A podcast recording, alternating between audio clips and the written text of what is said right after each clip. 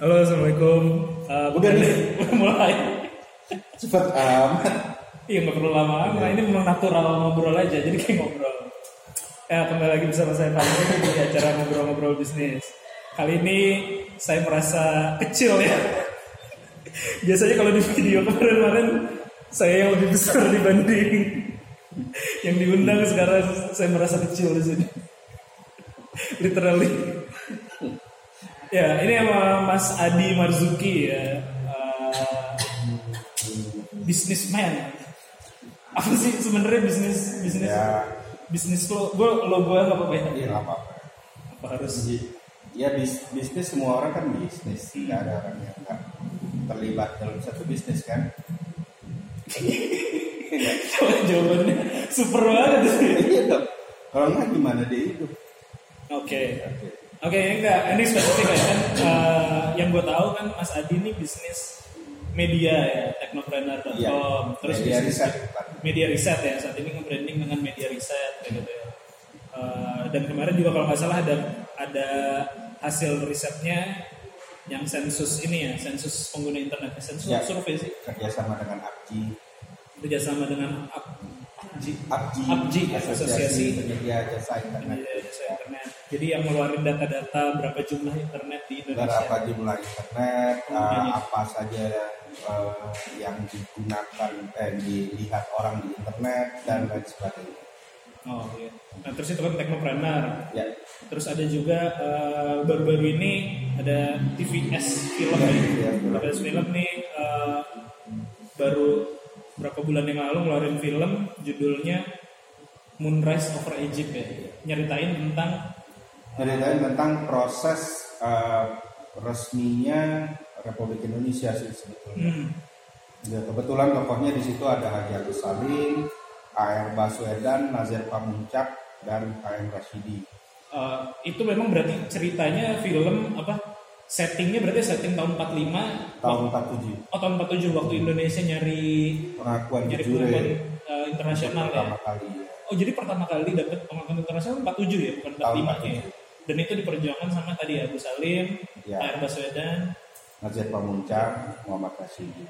Hmm. Nah ini kan kayaknya eh, film historik gitu nggak belum terlalu banyak ya di Indonesia ya. Eh, Ya, dari total 4 ribuan film yang sudah diproduksi sama orang Indonesia, termasuk yang pertama kali tahun 50-an itu Usmar Ismail, itu 4.000 film itu hanya 26 yang mengangkat tentang tokoh pahlawan oh, Indonesia. hanya 26. Hanya 26 film. Termasuk yang baru-baru ini kayak Termasuk yang baru-baru ini sebelum Unras itu ada Wage, ada Kartini, ada Soekarno. oh, iya. kalau apa tuh yang dibanding Reza Rahadian itu eh, host host cokrok, Hah? cokrok cokrok Joko iya termasuk. termasuk itu ya. Itu 26 itu eh, se- separuh lebih itu terjadi Setelah belakangan 2000 ini. belakangan ini ya. Berarti memang masih dikit banget nih ya. Masih dikit kan. Nah, kenapa TVS ngambil Berarti kan artinya kalau dikit tuh antara marketnya yang kurang gitu Ya. kan atau memang memang belum ada aja sinias yang yang arahnya ke situ. Ya, jadi kalau eh, pertimbangan eh, idealisme kita itu memang kita mau mengangkat satu tema yang kira-kira bisa diambil lah manfaatnya buat penontonnya. Gitu. Bukan cuma manfaat hiburan, tapi juga manfaat eh, apa namanya nilai-nilai dan, eh, dan cara berpikir yang kemudian bisa diadopsi sama penonton filmnya.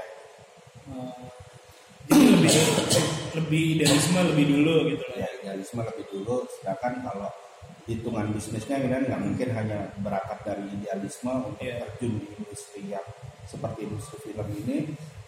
Itu eh, ya nggak sustain kita kan jadinya maka kita kemudian juga mempertimbangkan faktor eh, niche.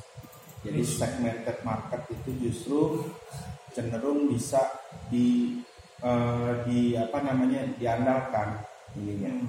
seperti tadi kita udah sempat singgung tentang teknopreneur Hmm. teknopreneur ini satu media riset mengangkat tema bisnis teknologi Hmm. itu juga segmennya nggak banyak Iya. tapi kita nggak berkompetisi dengan media-media lain yang memberitakan kehidupan selebriti Iya. gosip selebriti dan lain sebagainya kita hanya fokus di segmen yang concern ke bisnis teknologi. Hmm. tahun 2006 yang lalu baru teknopreneur yang membuat. Sekarang mungkin udah banyak yang lain yang bicara tentang bisnis teknologi. Tapi eh, pada awalnya kita merasa ini perlu ada karena belum ada Iya. tahun 2006 maka kita bicara media teknopreneur nah film ini juga eh, seperti itu. Kita mau mengambil satu segmen yang kita lihat bisa mengambil manfaat ya kan kemudian jadi kita lebih bicara kualitas penonton ketimbang kuantitas Oke. gitu Cuman kan eh ya oke. Oke, eh, berarti idealisme dan sebenarnya bagus sih. Saya juga eh, kurang lah kalau nonton kan sekarang Indonesia kebanyakan horor atau drama percintaan SMA kayak gitu ya ya. di mana mana sih bukan cuma Indonesia aja Dan film-film pahlawan sebenarnya sangat bagus biar kita juga lebih nasionalis dan gitu. Cuman tadi kan dari bisnis kan memang eh, tembus berapa nih filmnya atau box office berapa? no film ini cuma nggak sampai eh, cuma sepuluh ribuan ya Wah serius gitu? Nggak nyampe 80 ribu atau? nggak nyampe tapi kita kebetulan didukung oleh sponsor juga sih jadi ada beberapa eh, teman-teman dari industri lain yang kemudian menga- menganggap bahwa film ini perlu ada juga maka kemudian kita eh, apa namanya minta bantuan Minta sponsor. itu salah satu model bisnisnya beda ya. Berarti. Jadi bukan cuma dari tiketing, bukan tapi cuma juga ada ada. tiket Iya sih kalau melihat posternya kan itu saya lihat di bawahnya ada mandiri, ada ya ada BUMN, BUMN, ya. ada ada BTN, BRI, BRI saya jadi terpaksa harus sebutin semua nih nanti nggak enak ya. Nih nanti ngeliat gue juga paling Iya. dikit.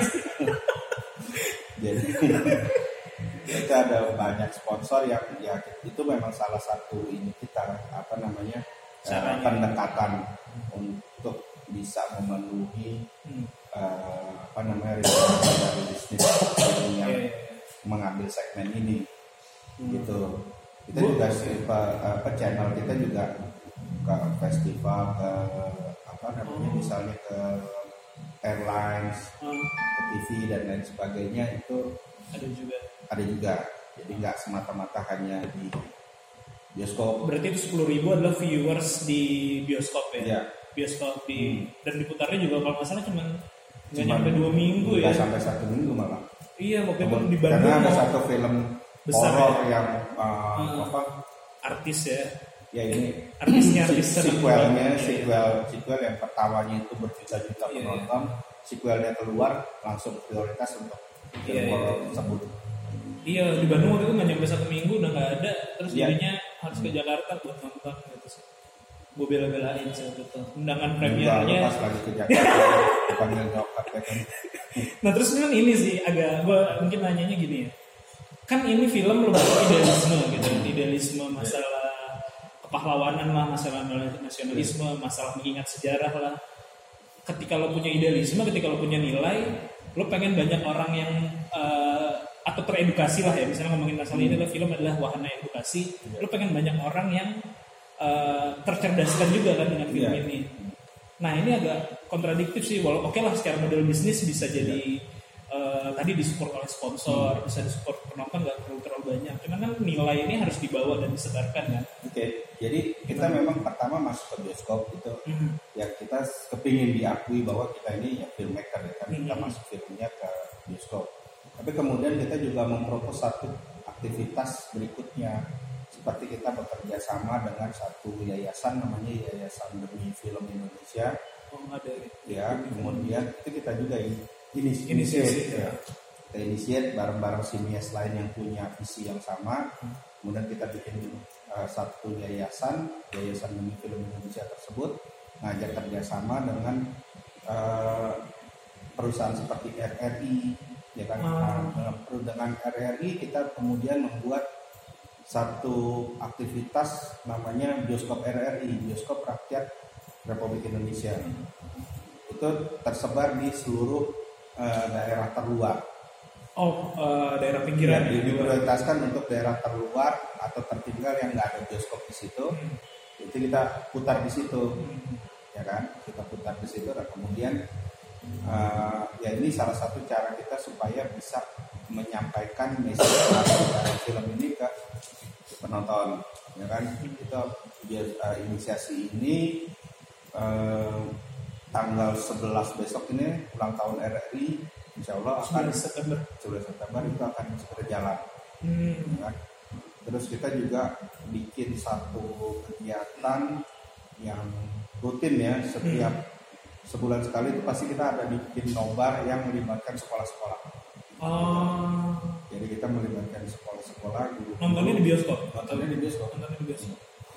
Itu ada nobar yang diinisiasi oleh PH kita TVS untuk bisa menyebarkan tadi supaya value-value ini semakin banyak yang bisa menyerap Iya, iya, iya. gitu. Iya, terus ini juga sih jadi jadi menarik juga ya. Eh, berarti memang konsumen TV, eh, kan konsumen bioskop kita atau eh, di Indonesia gitu ya masih kebanyakan memang eh, bel- atau memang promosinya kurang atau memang gen- terhadap genre kayak gini masih belum terlalu Hmm, ini ya. Jadi kita bisa bilang begini ini uh, apa namanya pendapat yang berdasarkan riset ya. Hmm. Jadi riset karena saya basicnya adalah meriset di Technopreneur maka sebetulnya ketika masuk ke industri ini saya pun melakukan riset Hmm. di industri film ini satu yang uh, kita perlu tahu adalah ini industri yang belum lama bangkit lagi Oke. dari uh, mati surinya. Jadi pasca tahun 80-an, 90-an itu, 90-an Ya. awal film Indonesia itu relatif gak ada, ya kan? Relatif uh, sepi, hanya diisi dengan film esek-esek, Iya. sorry to say. Itu terus kemudian bangkit kembali oleh tiga jenis film. Satu filmnya uh, ya Mira Lesmana, uh, DC, kemudian ada lagi Kalau Serina, terus ada lagi uh, film horor ya kan? jelakung ya. Ya, nah, kemudian ini jadi kayak semacam patron.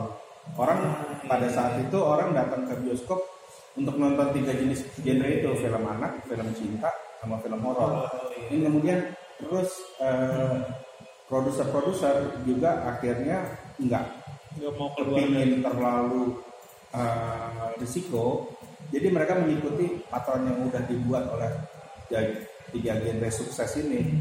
Mereka bikin terus jenis itu. Hmm. Kebetulan memang uh, ini satu genre yang tidak terlalu sulit dari segi production Hmm. gitu.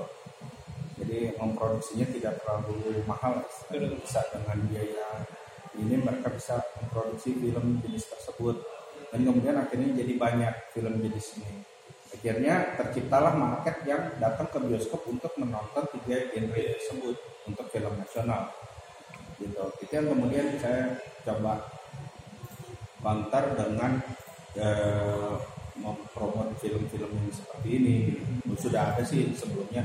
Sebelum Moonrise ada film Wakil, film Iya. juga nggak terlalu sukses Iya. di bioskop. Itu eh, dan ada juga Nyai Ahmad Dahlan, ada juga Oh, beberapa film lain.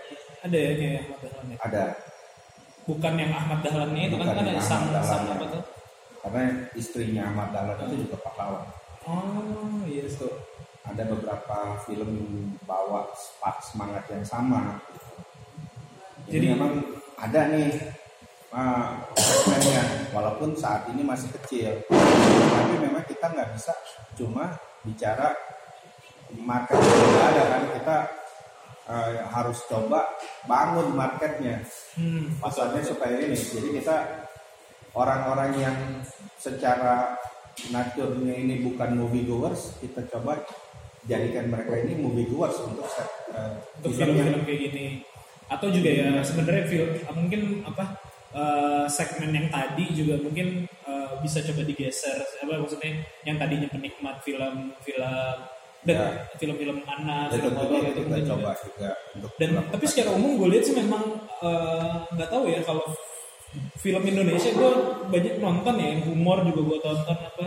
Cuman rel- relatif sepi sih komik apa yang kemarin tuh si filmnya si Panji Pragiwaksono, filmnya si eh, apa namanya Bayu Skak yang kayak gitu itu tuh gue tonton dan relatif nggak terlalu rame ya bioskopnya ya. Jadi eh, ada sempet gue posting tiga kali atau berapa kali di Instagram tuh gue kayaknya sewa satu full satu bioskop itu karena cuma gue sama bini gue doang yang nonton gitu film-film film Indo. Jadi memang kayaknya film Indonesia sendiri uh, jadi opsi terakhir gitu ya. Dan terus apalagi segmennya lebih segmen ke kepahlawanan nasionalisme ini uh, belum belum jadi top of mind. Kalau nyari bioskop ah, pengennya yang hiburan film barat. Ya memang. Jadi penonton bioskop itu kan ada dua jenis. Satu movie goers mereka memang rutin datang ke bioskop kemudian pilih film yang terbanyak Iya. seperti itu. Yang berikutnya orang yang datang ke bioskop itu setelah dapat resensi setelah lihat review ada film apa mereka berangkat ke bioskop. Tapi mereka juga melakukan itu secara rutin. Nah ini penonton bioskop kita itu dua jenis ini yang terbanyak. Itu profilnya adalah usia belasan remaja sampai umur 30 tahun. Dan sementara segmen film uh, bertema biopik atau sejarah kepahlawanan ini memang segmennya relatif lebih kecil tapi kalau kita lihat profilnya mereka bukan ada di segmen yang usia belasan sampai 30 tahun. Mungkin ada irisan di usia 25 30 sampai Hmm. 40 tahun. Yang adult lah ya. Ya Yang- jadi nah di usia ini mereka memang apa namanya eh, nonton untuk eh, memuaskan keinginan mereka untuk dapat tontonan yang berkualitas gitu. Jadi mereka bukan penonton yang eh, datang ke bioskop untuk hiburan yang eh, di luar stresnya kehidupan mereka sehari-hari, tapi mereka kepingin dapat tontonan yang berkualitas. gitu. Nah ini ada segmennya, ini di rentang usia 25 sampai 40 tahun itu biasanya berdasarkan riset ya, berdasarkan survei itu rentang usianya segitu dan mereka memang biasanya eh, yang profesional terus kemudian orang-orang yang udah eh, ya, eh, ambil skripsi kayak gitu mahasiswa gitu ya. Iya sih. Walaupun sebenarnya kalau uh, yang kita sama-sama tahu film-film kayak gini bagus juga di, harusnya ditonton oleh anak-anak muda juga gitu. ya. Cuma Iya. memang mungkin trigger ke sana harus lo mungkin harus artisnya artis uh, Ya, siapa sih yang muda-muda gitu ya. Tapi memang secara natur bahkan di Hollywood yang udah eh, sangat mapan ya industrinya itu memang tidak terjadi juga. Jadi memang segmen penonton Hmm. alay di Amerika pun ya nggak bisa di apa-apain. Nggak bisa diapa-apain ya, Itu sebenarnya. aja mereka di segmen. Mereka memang di apa namanya di genre tersebut. Di tempat lain juga jarang yang seperti gue ini kalau gue semua film gue tonton. Gue juga hampir. Iya, semua film gue tonton. Nah itu yang kayak gue nih jarang. Mereka kan pilih-pilih. Iya. Gitu. Atau mungkin kayak gue gak tahu sih ntar mungkin kayak harus di compare. eh, tapi emang ini ini besar ya production house besar ya kayak, kayak gue bilang tadi host Cokro Aminoto itu kan Cokro Aminoto kan yang main Reza Rahadian sama Ya, eh, terus ada juga yang siapa yang main si Garin itu yang Hmm, Iya, cuma maksud gua apakah faktor artisnya juga jadi pendukung tapi faktor gak guru bangsa itu Cokraminoto juga gak terlalu sukses. oh, bukan yang guru bangsa yang baru nih yang eh, Tuan Cokro itu loh yang si ada si Oh, cewek. bukan Garin bukan si si yang main Reza Rahadian terus ada yang si cewek siapa sih itu yang eh, main ini juga main film horor baru yang sama Pevita Hmm. Fir Pevita Fir sama siapa sih ceweknya Gua lupa Ya, kita Jadi, kan- misalnya ini, kalau hitungan hitungan kita sukses itu kan ini Reza Rahadian itu mahal, Hmm. ya kan? Jadi kalau misalnya film ada Reza Rahadian itu mungkin biaya filmnya udah eh, mahal banget ya kan? tinggi gitu Berarti eh, apa namanya standar kesuksesannya pun juga harus berbeda lagi, ya nggak? Sekarang kalau misalnya kita lihat film Reza yang kemarin ini yang Benyamin yang Kerok Hmm, kurang kurang Hmm. dibanding biaya produksi jauh dari ini ekspektasinya kan. Terus ada eh, Reza Rahadian yang The Gift ini menjadi orang buta itu juga di bawah ekspektasi jauh Jadi Ya. belum tentu belum tentu artis juga ya. Jadi belum tentu untuk artis menyasar anak-anak muda Iya. tadi belum tentu artis juga ya. lihat film ini apa namanya eh, ya sekarang kita kalau misalnya bicara kebangkitan film Indonesia kayak misalnya ada film Laskar Pelangi bintang utamanya juga nggak terlalu yang hits Iya. amat Waktu itu ya. Ya, penontonnya kan banyak Hmm. terus kemudian eh, film seperti Dilan 1990 Hmm. itu bintangnya dibanding dengan eh, bintang-bintang yang eh, beredar saat ini di industri juga ratingnya bukan Ya, masih Bukan yang- baru lah dua-duanya ya. yang ini apa namanya yang eh, apa namanya Yang bakal follower ya. IG-nya banyak gitu kan itu masih di, di bawah tapi film itu berhasil jadi tontonan yang ditonton oleh jutaan orang jadi faktornya banyak, banyak ya. Marketing salah juga. satu memang Iya. bintang tapi kemudian ada juga faktor-faktor lain kan kontennya skripnya dan lain sebagainya gitu. Nah, terus ka- kalau tadi ya kalau udah kerja sama sama RRI, gue sempet kalau di Indonesia kan sering tuh ada yang pemutaran film Jepang, pemutaran film Korea. Itu kan kayak beli layar ya istilahnya, kayak pemerintah Jepang atau kan sering tuh kalau di Oke. di Blitz tuh kayak ada eh, apa namanya production house Jepang itu yang anime anime yang bagus itu. Golbi Golbi apa ya? Nah, itu kan salah satu yang bagus. Mereka tuh dalam satu bulan festival film ini gitu festival production house atau film Jepang nih itu di minor bukan di bukan di apa namanya bukan di layar utamanya tapi ada rutin tiap hari itu ada kayaknya itu bagus juga sih kalau misalnya pemerintah kita atau misalnya nggak tahu loh ada tadi ya asosiasi pencinta film mungkin nge-trigger uh, promo filmnya atau nge-trigger nge-trigger apa ya pemerintah atau sponsor untuk dukung film Indonesia dengan memaksa orang kita untuk menonton film kita sendiri gitu. Kalau gue lihat sih tadi ya memang masih terlalu banyak uh, film luar ya di kita. Ya, Yang kita tonton. kita eh, yang kita pingin sih ya sebetulnya ya film yang menurut eh, pemerintah punya nilai untuk ditonton oleh banyak orang paling nggak dapat proteksi gitu pemerintah keluarkanlah kebijakan untuk bisa memproteksi film yang edukatif minimal 10 hari tayang. Di Cina juga dilakukan sih memproteksi filmnya sendiri ada minimal hari tayangnya itu supaya memberikan kesempatan buat eh, si film ini dapat pengunjungnya atau eh, promosinya efektif. Kadang memang kesulitan dari eh, filmmaker kita ini ketika ditetapkan jadwal tayang sampai dengan eh, dari mulai diberikan jadwal tayang sampai hari H tayang itu waktunya nggak cukup. Sehingga promosi nggak sampai ini nggak sampai apa Belum namanya puncak gitu. maksimal gitu kan jadi efektivitas promosinya itu kadang nggak ada Hmm.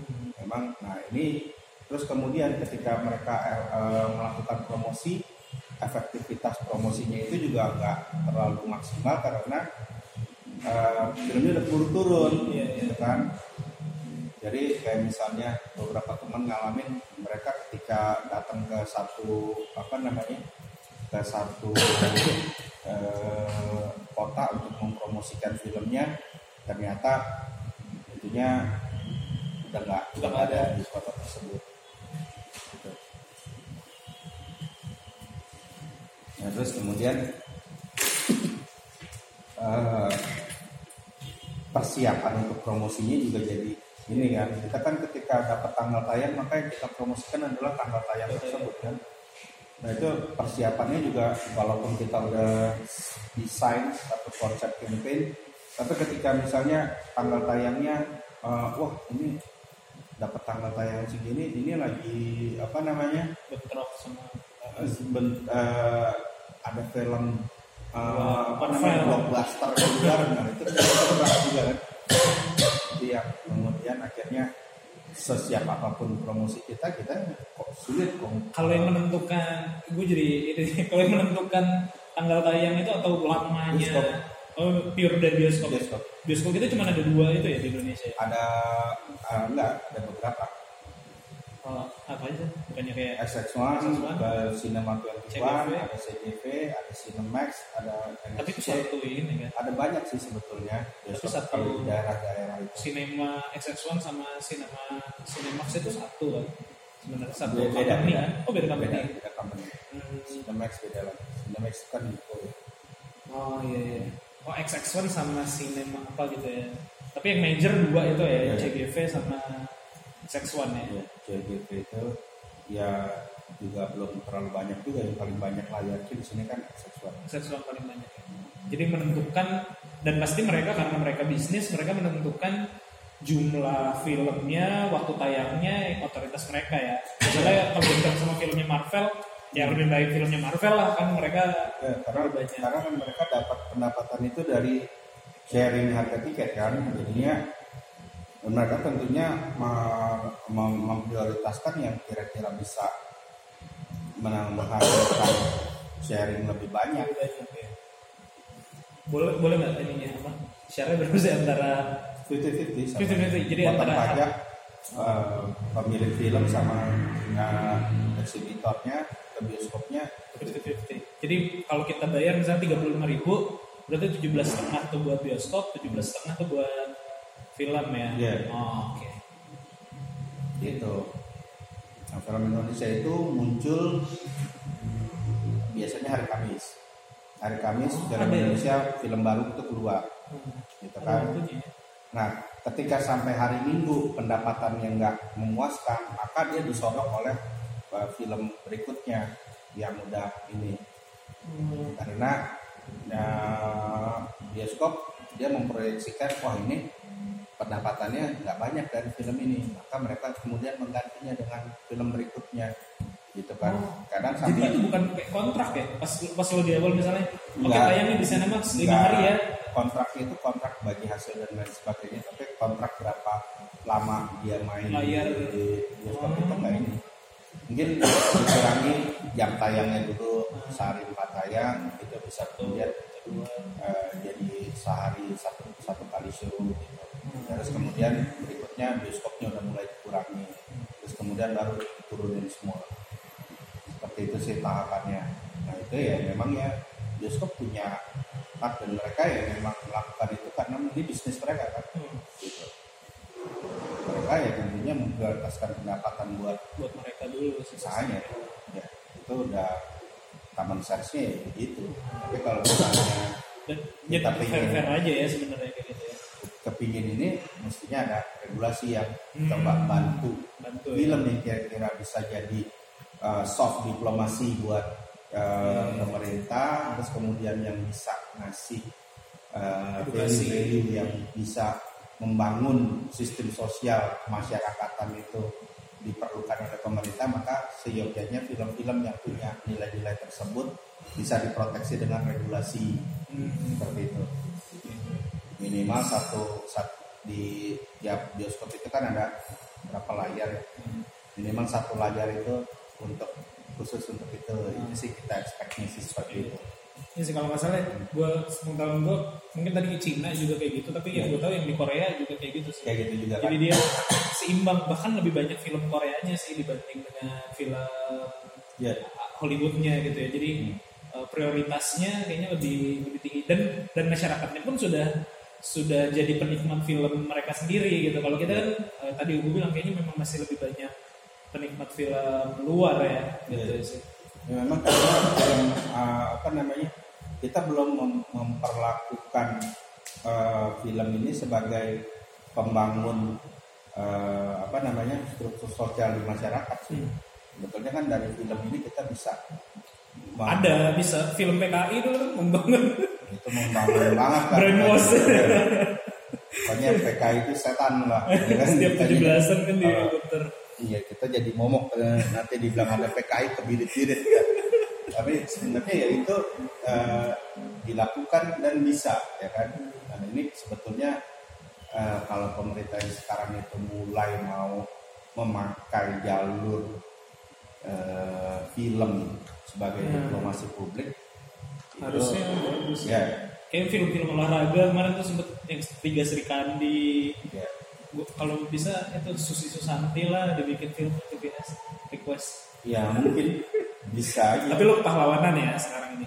Ya sekarang Di- kita fokus di film yang punya ini apa namanya uh, uh, nilai-nilai kesejarahan. Karena kita melihat pada era sekarang ini sejak mata pelajaran sejarah ditiadakan kita jadi seperti terputus dari benang sejarah kita. Ada pelajaran sejarah. Enggak dari kecil udah nggak dapat lagi IPS dapatnya oh. Sejarah cuma masih bagian kecil aja dari itu. Kita nganggapnya wah ini ke depannya ini berbahaya ini buat iya iya iya. buat masa depan ini kita akan menghadapi uh, bonus demografis ini bisa-bisa jadi bencana demografis nih. Iya nggak Iya. tahu nggak? akarnya ya. Iya, karena kita udah nggak lagi bicara kenapa sih kita jadi orang Indonesia. Ini kan udah udah bingung orang kehilangan uh, uh, orang yang kehilangan akar sejarahnya itu udah nggak ngerti lagi kenapa kita harus jadi orang Indonesia. iya Kenapa kita kalau misalnya pakai uh, ganti paspor terus kita jadi uh, pengkhianat, mengkhianati apa kita ini? Ya kan? Mereka udah nggak tahu lagi. Jadi serius itu sejarah udah nggak ada sekarang udah nggak ada. Ya kan, udah nggak udah nggak dapat lagi mata pelajaran sejarah nah lo di TVS kan atau atau di film kemarin ya sebagai produser ya? Ya Eh, berarti nanti oh, produser dan penulis penulis oh, penulis ini juga. Oh kan ini juga ya cucunya atau apa buyutnya ini? Iya. buyutnya Salah Agus Salim satu, ya. iya. salah satu Agus Salim juga. Sempet nggak sempet ya? Nggak sempet ketemu ya? Enggak lah. Satu apa dia? ya, nah ini lagi mau ngeluarin film baru juga. Ya, Eh, baru mau produksi. Baru mau produksi. Kali ini ngangkat siapa tokohnya Bung Hatta. Tentang Bung Hatta. Bung Hatta ini kita anggap sebagai satu tokoh negarawan yang uh, undisputed ya.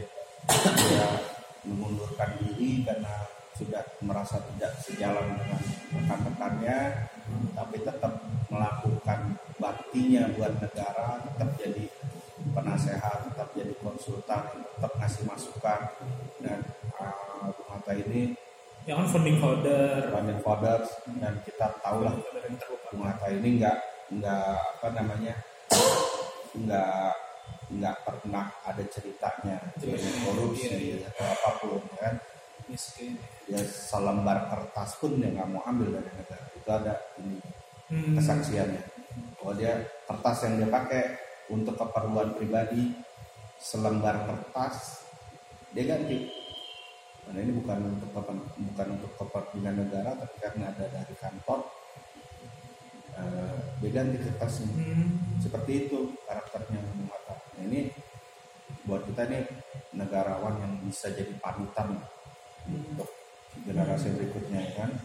Nah, nilai-nilai seperti ini yang kita coba eh, sebarluaskan di generasi yang udah nggak mendapatkan pelajaran sejarah baru.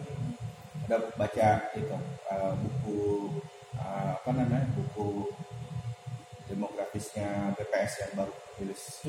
Jadi Indonesia sampai 2045 itu dari forecast oleh BPS kalau statistik kita nanti akan mendapatkan bonus demografis di mana generasi yang akan berkiprah di tahun-tahun lewat dari tahun 2004 ini 2024 sampai 2045 ini itu adalah generasi yang lahir di zaman milenial ya kan? Itu mereka yang akan banyak ambil bagian. Nah itu sih pasti sih kayaknya ya kan? Secara umur. Maksud gue bukan bukan Tapi- ya tapi yang jadi konsep kita adalah si milenial ini adalah generasi yang tidak lagi mendapatkan pelajaran Pelajaran- sejarah dan tidak lagi uh, apa namanya hidup di zaman yang di mana ilmu Iya, iya. pengetahuan itu dipelajari sampai akarnya ya kan? Mereka ini di generasi milenial generasi digital. Ini kebanyakan pengetahuan buat mereka itu hanya cukup dari kulitnya aja kemudian nggak di eh, digali lagi lebih dalam sampai ke akarnya. Jadi mereka jadi istilahnya apa ya? Mereka banyak tahu banyak paham tapi bukan paham sampai ke dikit akarnya ya. Jadi pengetahuan mereka itu banyak, range-nya sangat luas, tapi kulit-kulitnya ya. Dan itu kadang-kadang mislead kan. Nah itu yang buat kita berbahaya, apalagi kalau nggak dibekali dengan rasa nasionalisme, rasa kecintaannya terhadap bangsa dan negaranya. Itu menurut gue mereka uh, akan Makanya jadi sekarang suka muncul kayak nasionalisme semu ya kayak nasionalisme lagi sempit Olimpiade, jadinya. eh, lagi apa Asian Games, lagi Ya. apa nasionalisme tanpa tahu akarnya atau fundamental. sempit. Jadi ya. kadang-kadang ya eh, hal-hal seperti ini harusnya bisa di apa namanya diantisipasi sih, ya kan? Kita kan ngebayangin kalau misalnya kita kita aja udah nggak bisa appreciate sama sejarah negara kita la- lagi, gimana negara kita bisa diapresiasi sama negara lain, ya kan? Ketika kita sudah tidak diapresiasi oleh negara lain, maka ya Ya, eksistensi kita sebagai satu bangsa ini bisa dibilang hilang. Kita cuma jadi ya ini market kita nih, tapi ini bukan nggak direken sebagai satu nation yang besar atau uh, yang perlu diperhatikan ini ya, tapi cuma dianggap oh di sini tempat kita jualan, ya nggak? Ya berarti ini misinya CTBS memang besar arahnya dan arahnya ke situ ya. Ya. kita sih nggak nggak nggak bisa me- menyebut mau besar mau kecil mau apa tapi yang jelas ini ada satu kebutuhan di mana kebutuhan itu harus ada yang ngerjain kan gitu Hmm. kalau nggak ada yang ngerjain siapa lagi kalau bukan kita nunggu orang lain yang ini kalau iya kalau ada kalau enggak kan nanti anak-anak kita sendiri yang akan nanggung akibatnya Iya. ya kan kalau misalnya nanti generasi berikutnya eh, udah nggak punya pemikiran seperti ini lagi wah terus jadi seperti apa? Jadi ini kan lebih ke bukan pilihan buat kita tapi ini kita udah sampai di satu situasi kita harus melakukan ini. Mau nggak gimana? Ya ini bukan satu apa namanya pilihan yang ini mau kita mau begini atau kita mau begini nggak bisa. Ini udah kita udah sampai di satu situasi ini harus ada yang melakukan gitu. Jadi bukannya kita terus bukan orang yang tergolong orang yang wah kita nggak butuh uang. Nggak juga. Mungkin mungkin eh, Bang, sebelum terakhir ya apa namanya kalau dari sisi bisnis ya sebagai production house gitu ya eh, ini baru film pertama ya baru film pertama yang kemarin ya dan nanti Bung Hatta rencana film kedua gitu kan Eh, dari sisi bisnis gimana sih ini eh, industri ini gitu ya movie maker. kita tetap beranggapan bahwa eh, kita nggak bisa eh, terlalu lanjut sama satu model yang ada di pasar ini aja. Ya kan? Di kalau ya sebagai teknopreneur dia tuh udah mempelajari bahwa market yang bagus dan besar itu nggak selamanya market yang sekarang ini udah ada. Kan Hmm, iya. kita, kita bicara tentang gimana sih kita bisa menggeser uh, market gitu. gimana sih kita bisa membentuk market gitu. gimana sih kita bisa mendapatkan market yang sebelumnya belum jadi market gitu kan Nah, itu yang uh, kita lakukan sih jadi tetap punya uh, apa namanya optimisme tetap punya uh, uh, ekspektasi dan kita juga punya proyeksi gitu jadi jadi kita eh, apa namanya melakukan ini bukan cuman apa namanya sekedar perjuangan ini, tapi kita juga punya kalkulasi juga sih, ada proyeksi bisnisnya juga Hmm, di sini supaya kita bisa sustain. sip lah thank you mas nih semoga filmnya sukses yang Amin. 10 kali lipat atau 100 kali lipat lah ya Amin. satu juta Sip. thank you sekian assalamualaikum warahmatullahi wabarakatuh Waalaikumsalam.